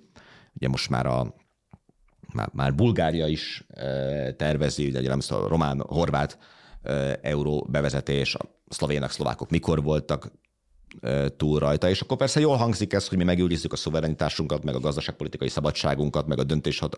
Jól hangzik, jól hangzott 3.30-as eurónál, és még, még 3.75-ösnél is azt mondom, hogy Tudunk legyen- zsugázni az árfolyammal, igen. Mondjuk. de 4.30-asnál már az embereknek nem hangzik olyan jól, és hogy, hogy ugye nem tudjuk, hogy ilyen szempontból mi tört, tehát, hogy igen, szóval, hogy, hogy a, Hát igen, a, a, azt- a hogyan omlik össze a rendszer, és ne, szerintem nem belülről és nem választáson, az csak ilyen forgatókönyvek lehetnek. Egy olyan típusú válság jön, amire egyébként szóval az már nem lesz megoldás, hogyha nem tudom, nekünk uh, súlyos pénzügyi bajaink vannak, hogy amiatt az Európai Uniót uh, hibáztatjuk, miközben egyébként az Európai Unió köszöni jól van. A menedzser Brüsszelnek az eszköztárában benne van az, hogy meg nyilván kihasználva ilyen hogy... helyzetből? Hát igen, tehát feltol 4.30-ig, 4.40-ig 500-ig az eurót, ez benne van az ő... de nem is a gondolkodásukban sincs benne, őket nem, tehát nem, tehát meg nem is helyes, tehát nem Brüsszelnek kell eldönteni ki kormány. És képességük lenne hozzá? De mindegy is, mert hogy De de még- szeretnéd, hogy a brüsszeli... Én nem, em- most nem, nem, nem, nem, Nem, nem, nem, nem, nem vágyakról beszélek, hanem arról, hogy Kimentene minket a Brüsszel Nem, ilyen for-? Hát az Orbánnal szemben. Brüsszel, Orbán a, a menedzsment, ahol nincsen kól, megint csak metafora, hanem, hanem, hanem, a, hanem a, a fénymásolóval készült ö, politikusok vannak, ott benne van a pakliban az, Nincs hogy ilyen gondolkodás. Ez elsődleges stabilitás, és a... Szóval... és nem vágyom erre, tehát Isten Nem, nem, mentsen a szerintem- 600 forintos eurótól. Nincs ilyen gondolkodás, szóval nem, nem, nem így működik szerintem az egész brüsszeli gondolkodás, meg az egész nemzetközi politikában nem ezek vannak, hogy pláne így, tehát hogy, mert hogy mi történik másnap. Nem, hát az nem, a, a, a, bocs, akkor, hát, én nem mondom, is tudom, hogy tudnak ilyet előidézni, de nem is érdekes, tehát, akkor, akkor ilyen szempontból meg sokkal racionálisabban, okosabban működik a brüsszeli politika, akkor Persze. leírjuk. Hát ők, ők leválasztják ilyen szempontból Persze, Magyarországot. persze. Hát lesz egy Majd ott bohóckodsz. 24 tagú eurózóna, vagy 25 tagú eurózóna. Magyarország nincs benne, hát akkor Magyarország bajban van, akkor megyünk tovább. Tehát ugye az a baj az európai döntéshozatali mechanizmusnak, hogy vannak olyan döntések, amikhez egyhangúság kell, és csak akkor tudják meghozni, hogy Orbán Viktor kimegy kávézni a folyosóra. És mondjuk az ukrán csatlakozás beindítása ilyen volt, de hát közben a folyamat azért évtizedek óta az, hogy rájöttek, hogy egy ember egy ország ne akadályozhasson mindent, és például ez a kétsebességesség, ez ezt jelenti, hogy majd lehet előre menni, és majd mindenhol euró lesz, csak Magyarországon nem, hát akkor Magyarországon nem, akkor majd az eurózóna lesz, ahol egyébként ezek a típusú döntések megszületnek. Most persze ez nem teljesen igaz, mert Lengyelországban sincsen euró egyébként, tehát még csak azért a lengyel gazdaság is egy picit nagyobb, meg erősebb, mint a magyar. Tehát, hogy ők, ők, ők a, a, nekik azért nem akkora probléma Magyarország, mint amekkora probléma nekünk Magyarország. Tehát, hogy van, vannak helyzetek, amikor fáj nekik, de hát szóval mondom azért nem, de nem kell azt, tehát, hogy a, a, őket sajnálni, hogy ilyen szempontból. Vannak olyan kérdések, ahol lehet, hogy történelmileg nem nekik lesz igazuk, és valóban a, mondjuk a, a migrációs probléma, meg az azzal való együttélés majd hogyan lesz orvosolható, de hogy... De nem a jólét az. De nem a jólét nem az, a igen. jólét Tehát, az. hogy ott, ott azért olyat még nem hallottál, hogy a, a valamelyik fénymással politikus Belgiumba előáll, és azt mondja, hogy maximáljuk a csirkefarhátnak az árát. Meg Tehát, hogy költözünk szexádra, mert olyan jóléti intézkedések, olyan jóléti állam van. Tehát, hogy azért összességében persze az Orbán rendszer kockázat, hiszem a legnagyobb az a valóság összességében. Tehát, hogy, hogy a lerohadó oktatás, amire azt mondjuk, hogy nem ügy, nem ügy, oké, okay, 5-10 éves táblatban nem ügy. 15-20 éves táblatban egy ponton, mikor körülöttünk mindenkinek eurója van, mikor nem fektettünk be semmit a humántőkébe egyébként 15 évig, Korábban azt hitték mindenki, hogy nem fog számítani, mert hát 4-8 évenként van kormányváltás. De nem lett. Így meg számítani fog, hogy 20 év múlva, hogy mi lett az oktatással, mi lett az egészségügyel egyébként, korábban halnak-e az emberek. És egy picit ez olyan nekem, én azt a metaforát szoktam mondani, hogy mint a tűzszerész, hogy ugye vágja el a zsinórokat. Piros-kék. Piros-kék, és elég egyszer rosszul, rosszul dönteni a két szín közül Az arany. ebbe a helyzetbe, és pont az ilyen típusú rendszerkockázat szerintem ez, hogy valójában hosszú távú következményekkel olyan mértékben nem számoltak soha, kiszervezték a vagyon maguknak, biztosították, hogy lehessen őket leváltani, egyébként minden pillanatot uralnak, mert ez a politika erről szól az ő gondolkodásukban, és egyszerűen a horizontjukon már nincs ott a, a hosszú táv, amivel az Vagy a baj, mi nem látjuk. az a baj, hát de, de szerintem világos, hogy nincs ott. Hát az, hogy humántőkébe lebutított, tehát hogy a, nincsenek szociális transferek, nincsenek ö, oktatásba fe- fektetés, nincs semmi. Milyen ország a cél? De ez A egyszerűen... nemzet felemelése a cél, vagy az, hogy legyen egy, egy szűk réteg, a a NER réteg, ahol a vagyon, és egyébként meg, meg legyenek nyomorultak, akik, akik ha kell, akkor meghalnak 50 évesen, és amúgy meg akinek van pénze, az, az húzzon be a magánellátásba, akinek van pénze, húzzon egészségügyben, húzzon be a magánoktatásba. Mi eze, ezekről szólunk, azt beszéljük, hogy mi a, a, a nemzet, a népnek a kormánya vagyunk, egyébként pedig a NER-nek a kormánya vagyunk, és ők azért vannak itt, hogy és ha meg elmennek a, a, a tanultabbak, a tehetségesebbek, akkor meg kit érdekel, miénk itt a, a, a, a, tőke, miénk a föld, itt a kínai tőke, Hát ugye ez az... És elműködtetjük az országot, amiket- Dél-Amerika- Dél-amerikai zon, ezt nem Zálódás. Igen, igen, aminek azért szintén vannak kockázatai, tehát hogy azt le egy darabig lehet csinálni, hogy csinálsz egy ilyen nagyon megosztott társadalmat, eh, ahol, ahol van egy szűk réteg, aki a saját rancsaira, eh, a helyi 60 pusztájára bezárva él, és ilyesmi. Az összességében biztos nem az a cél, hogy egy, egy küzdködő, elszegényedett országban ők legyenek a, Földes urak. a földes urak önmagában, mert az, tehát, hogy kell, nyilván van, valószínűleg van mögötte politikai cél, hogy a ö, korlátozzál bizonyos hozzáférés mondjuk a humán ö, tőkébe való befektetés hiánya az, az nyilván ilyen, de hát összességével persze azért itt is az van, hogy, hogy egyszerűen csak máshova tették a, sorrend. So, igen, tehát hogy politikailag azt gondolták kifizetődőnek, hogy most az a fontos, hogy olcsó legyen a gáz. Az át, most már csak Meg, az meg épüljön fel a. NER. De az, az más, az egy másik probléma. Tehát mondom, ő, Az is tőke kérdés. de hát az, az egyrészt rég fölépült, másrészt tehát mondom, ott, ott inkább az a kérdés, hogy a, az elkölthető pénzt mire költöd el. És ugye itt ezer milliárdokat költünk el arra, hogy abban az egy évben, amikor drága lett volna a gáz, akkor is olcsó legyen a gáz. Most már nagyon alacsony a világpiac, és pillanatilag most a legtöbb ember többet is fizet érte, mint amennyire a, a, mint amennyire a világpiacon Aki egy kicsiket is túllóg a, a átlagon. támogatott. De hogy ugye az a politikai megfontolás, hogy nem rángatjuk. Tehát nem emeljük föl 2022-től, nyarától, nem tudom, 23 nyaráig, és kelljen fizetni, hanem amíg Kádár él, addig olcsó a gáz. E, Itt most ugye behelyettesítendő Orbára. De hogy ettől függetlenül azért én azt nem gondolnám feltétlenül érdeknek vagy célnak, hogy, hogy ez az ország lerohadjon közben. A- Hát az... nem szándékolt következmény legfeljebb, de... igen, igen, de lehet. hogy és hogy meddig tart, az az nem tudható ebben a pillanatban. Egy műsor meddig tart, azt mondom, tudom, mert és rég élveztem ennyire. Mindig is élvezem rettentően a háromharmadokat, de ez most nagyon pörgős volt, nagyon- nagyon-nagyon szerettem. De van még a rózsaszín farok, pedig már 70 percnél tartunk. Mondják, legyen. mondj, mondják, de ne, hát az olyan nincsen. Tessék mondani. Hú, én privatizálni fogok akkor. Legyen így. Úgyis egy nappal a műsorba kerülés után van az esemény, úgyhogy ezt most megteszem ezt a privatizációt, hogy az év jó fíre nekem az, hogy 12-szer is rendezünk Heves megyében a barátaimmal egy jótékonysági foci tornát, ami beteg gyerekek megsegítésére van, és tudom, hogy ez persze az ország szempontjából kevéssé fontos, de más szempont meg nagyon fontos, hogy az ilyen típusú közösségek remélem minél több helyen képesek túlélni minden időszakot, mert ez, ez sokszor hiányzik sok helyről az, hogy, hogy ez egy Heves megyei projekt, Heves megyei emberek részvételével, Heves megyei be hazatérő, visszatérő emberek részvételével, és most már nyilván egyre több vendéggel, de hogy szerintem az nagyon fontos 13 éve ugyanaz a társaság így összegyűl, a, gyűlik, gyűl, ezt a, ezt a nyelvhelyes. Ezt a főszerkesztő dönti el. Túl sok hatalmat tételezel az ilyen típusú pozícióban lévő embereknek és két ünnep között ezt csinálja, nyilván nem csak a két ünnep között, de ez a csúcsa, ez az ünnep, amikor a sosem beteg gyerek, meg mély szegénységben élő gyerekeket támogatásához létrejövő torna zajlik, szóval nekem ez az év jó híre, hogy ez még van, és remélem, hogy igazából minden évben, amikor ilyen rózsaszín farok lesz, és éppen itt üldögélek, akkor el tudom mondani még ezt, a, ezt, hogy még van és folytatódik, úgyhogy remélem minél több embernek lesz alkalma hasonló jó társaságban tölteni, jó célokból egy-egy napot ilyenkor. Bravo. Erre meg nem tudok ráígérni, úgyhoyd nem is próbálkozom vele. Nincs rózsaszín farok Bita úrnál? Oké, mondok hármat is, jó? Na, hát akkor egy Egyik, egy nagyon szép szívmelegítgető történet, hiszen még, még, még karácsonyig nem értünk el, de a műsor az csak karácsony után lesz, hogy ö, írtam én egy riportot a ö, Kardos Mihály atyáról, ugye, aki a a bazilikában találkozott Ferenc pápával, és egy ikonikus kép készült, hogy a két öreget székes ember ott van egymással szemben, és a pápa oda helyezi a kezét a, a Kardos Mihály atyának a fejére, és akkor ugye riport megjelent, és az atyánál ott volt, mutatta nekem a pápának egy évvel korábban megjelent kötetét, ami nálunk kiadott a 21. század kiadó, és ő ebből a könyvből számos példány beszerzett, és mindenkinek szétosztogatta, mert hogy nagyon szereti a pápa gondolatait. De ez, ez a könyv elfogyott a piacon.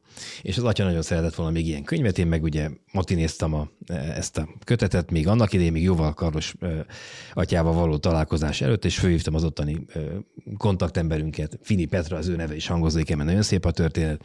Elmondtam, hogy még kéne tíz példány, ő telefonált minden raktárba, sehol nem volt egy darab sem, és akkor azt mondta nekem, hogy figyelj, megkönnyezte a történetet, akkor én tíz példányt valahogyan a nyomtatunk, kinyomtatunk, és elviszük az atyának, és akkor nagyon megköszöntem, de végül, végül oda fajult a dolog, hogy elment a nyomdába, és nem tíz, hanem jó. Lényegesen több példányban újra nyomták ezt a könyvet, és most elvileg, amikor mi itt ülünk, 12.30 és 13.30 között jött az, az e-mail az imént, kézbesítik az atyának Szegedre, ah. abba az otthonba, ahol ő most él, azt a tíz példányt, és egyébként pedig majd hozzáférhető lesz, tehát azért vannak még ilyen apró csodák. Ez egyik. A másik az az, hogy végre felvettem, jó hír felvettem az én maradonás pólómat.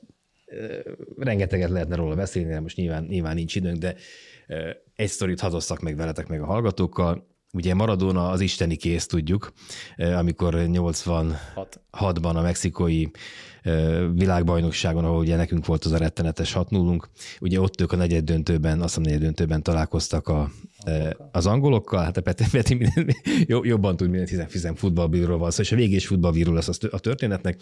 Ugye ott az történt, hogy úgy kezelt egy gólt a Maradona, hogy felugrott, és maga 164 centiével túlugratta a Shilton, Shilton, aki 20 centivel volt magasabb, mint ő, és akkor vagy kézzel bepörgette a lasszit, és volt egy, egy arab bíró, aki, aki ezt megette, és ugye annyira, annyira megette, hogy a, még az argentin játékosok is álltak, hogy most ez gól, nem gól, miközben egy elég komoly meccs volt. Ez a, a Falkland szigeteki politikai vita ja, ja. után volt, tehát még volt egy ilyen revánsvágy az, az argentinokban és nem, nem örültek az argentin játékos, és Maradona mondta, hogy tessék örülni.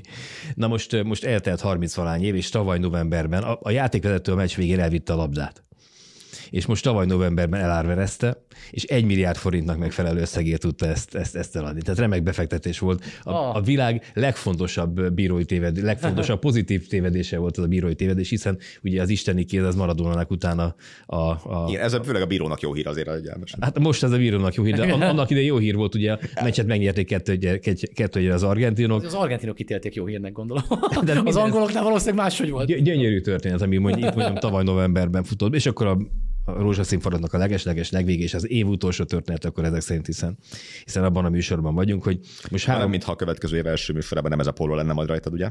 Nem, én akkor stabil leszek. Pet, hát, de, de, most fogjuk felvenni. Most fogjuk fölvenni. A napi rend után. a napi rend után van ez. az év első műsorában. Igen, mert a napi rend után az, az most majd a szilveszteri, vagy az évvégi adás után, után fog. De január Jó, jó, jó. Na szóval, hogy most három cikk is, három kontent is a kezembe került a 24-ről. Az egyik volt a Kasz Dávidnak a, a lakatos márkal készített videója, kevés dolog áll tőlem távolabb, mint Lakatos Márk, és, és nem ellenszem van bennem, hanem érdektelenség. Ennek én, én, nekem Dávid a barátom, meg egy Jennynek tartom, ezért megnéztem ezt a videót, ugye ez kint Spanyolországban, Madridban készült, és Lakatos Márkkal meglátogatták a 20 évvel korábbi legendás helyét, és a, tessék megnézni a videót, a, a vége az az, hogy a kac megölegeti ezt a, ezt a, ezt a, ezt a srácot, vagy férfit, vagy nem tudom, vagy öreg meleget, vagy félöreg meleget, vagy középkorú meleget, és akkor annyira szépen összeállt az, hogy, és, és én végig hiteles volt, és végén én is úgy voltam, hogy ha csak három másodperc is, de megölelném én is ezt a lakatos márkot, és rájöttem arra, hogy én, aki magam... A el tudja intézni. A, a, aki, én, aki magamat nyitott embernek gondolom, hogy egy ettől a tizenvalány percről, amit itt megnéztem a kasznak a videójában, rájöttem, hogy nem vagyok az. Mert hogy ezt a figurát én, aki ugye a saját melegségét használta az ön, ön PR-ezésre. De ott, hogy nem 10 másodperc volt, hanem tizenvalány perc ott, ezt a figurát megszerettem, amiben nyilván a kasznaki szerepe volt. Ha nem, nem is szerettem meg, de legalábbis elfogadtam. És akkor volt egy ilyen, hogy hát akkor lehet, hogy érdemes elgondolkodni, ez mennyire, mennyire vagyok én nyitott. És akkor még a, a Balaványnak volt egy cikke, ezt még az olvasók nem láthatták, bármire ezt meghallgatják, azért már ők már olvashatták. Ugye ben volt a szerkesztőségi rendszerben is, abban a szerencsében volt részem, hogy én szerkeszthettem, hát a túrót szerkeszthettem. 24-én jelenik, jelent meg. Jelent meg, igen. Keresik az olvasók akkor. Hát ez, ugye szerkesztés abban merül ki egy balaványnál, hogy három szórendet javasoltam, hogy változtassuk, és abból kettő elfogadódott. És hát olyan gyönyörű volt egy ilyen önvallomás, meg, meg az ünnepekről, meg a, a, a bolygónkér, jövőnkér való aggódásnak a, a pátoszmentes csodaszép mondatai, amik, melyek közül több összecsengett az én Csányi Vili interjúmnak a jó néhány mondatával a, a jövőnkről való aggódásról. És, és az volt a harmadik ilyen cikk, amit én, ez most éppen a sajátomból, de nem az én érdememből szerettem nagyon. És akkor végén meg arra gondoltam, hogy azért ennél a lapnál, amit, ahol nem mondhatni egyre könnyebb a dolgunk ebben az országban, ebben a szakmában. De mégiscsak három ilyen cikket tudtam egy nap alatt befogadni, egy három ilyen kontentet. És, és el is ment az egész nap szinte vele. és, és még fizettek is érte valami. Egyébként, Igen. ha miért, Na, szóval, hogy puszit mondasz, csak azért akarom, ne, nem puszi, de, de, csak hogy ez... Még ez... Csányhoz akarok mondani mondatot, csak azért, hogy azért azt érdemes azoknak is elolvasni, akik egyébként a nagyon zárt ellenzéki gondolkodásban vannak sok szempontból, hogy Csányi, aki aztán tényleg ikonja a hát nagyjából a magyar értelmiségnek is, de azért, azért alapvetően a nézetrendszerét, meg a politikai szimpátiáit valószínűleg ismeri az ország zöme, hogy ő miket mond egyébként azokról a kérdésekről, amikről, Migráció például. Például a migrációról, amikről egyébként mennyire mást mondtunk, gondoltunk 2015-ben. Tehát, hogy, és egy 88 éves emberről van azért szó, aki 89-ben erősen, igen. Akinek nem, nem feltétlenül rögzültek, hanem, hanem, hanem e- újra gondolásra képesek a nézetei egyébként bizonyos szempontból, és, és beszél azokról a dilemmákról, hogy, hogy ő miniszterelnökként lehet, hogy ő is ezt csinálná, miközben nem véletlenül nem miniszterelnök, mert emberként meg. Mármint, hogy magánemberként beengedne a, a fekete menekültet, aki jön a, a lepusztított bioszférájú Afrikából, és beengedni a feleségét, meg a, gyerek, meg a fekete gyerekét pláne beengedni, de miniszterelnökként nemet mondana. Azért vannak nagyon, nagyon erős mondatai, így is politikailag is, meg magánemberként is, hogy, hogy mi a fontos az életben és az egész. Mert az élet értelméről kezdtünk el beszélgetni. Na és akkor, hogy tényleg most már lecsavarom a végét, hogy amikor mi a 168-ban dolgoztunk Bita úr annak így, akkor a török Móni is nyugosztója neki volt egy mondata, hogy az alapszám, amiben van egy darab mondat legalább, az már nem, nem hiába íródott, és ebben a csányi szövegben, pláne a balaványban, de még a kac videóban is azért, azért, azért vannak mondatok, mondatok, és akkor arra gondoltam, hogy hogy azért egyre jobb az alap, amit, amit mi csinálunk, és, és jó itt dolgozni. Na most puszi.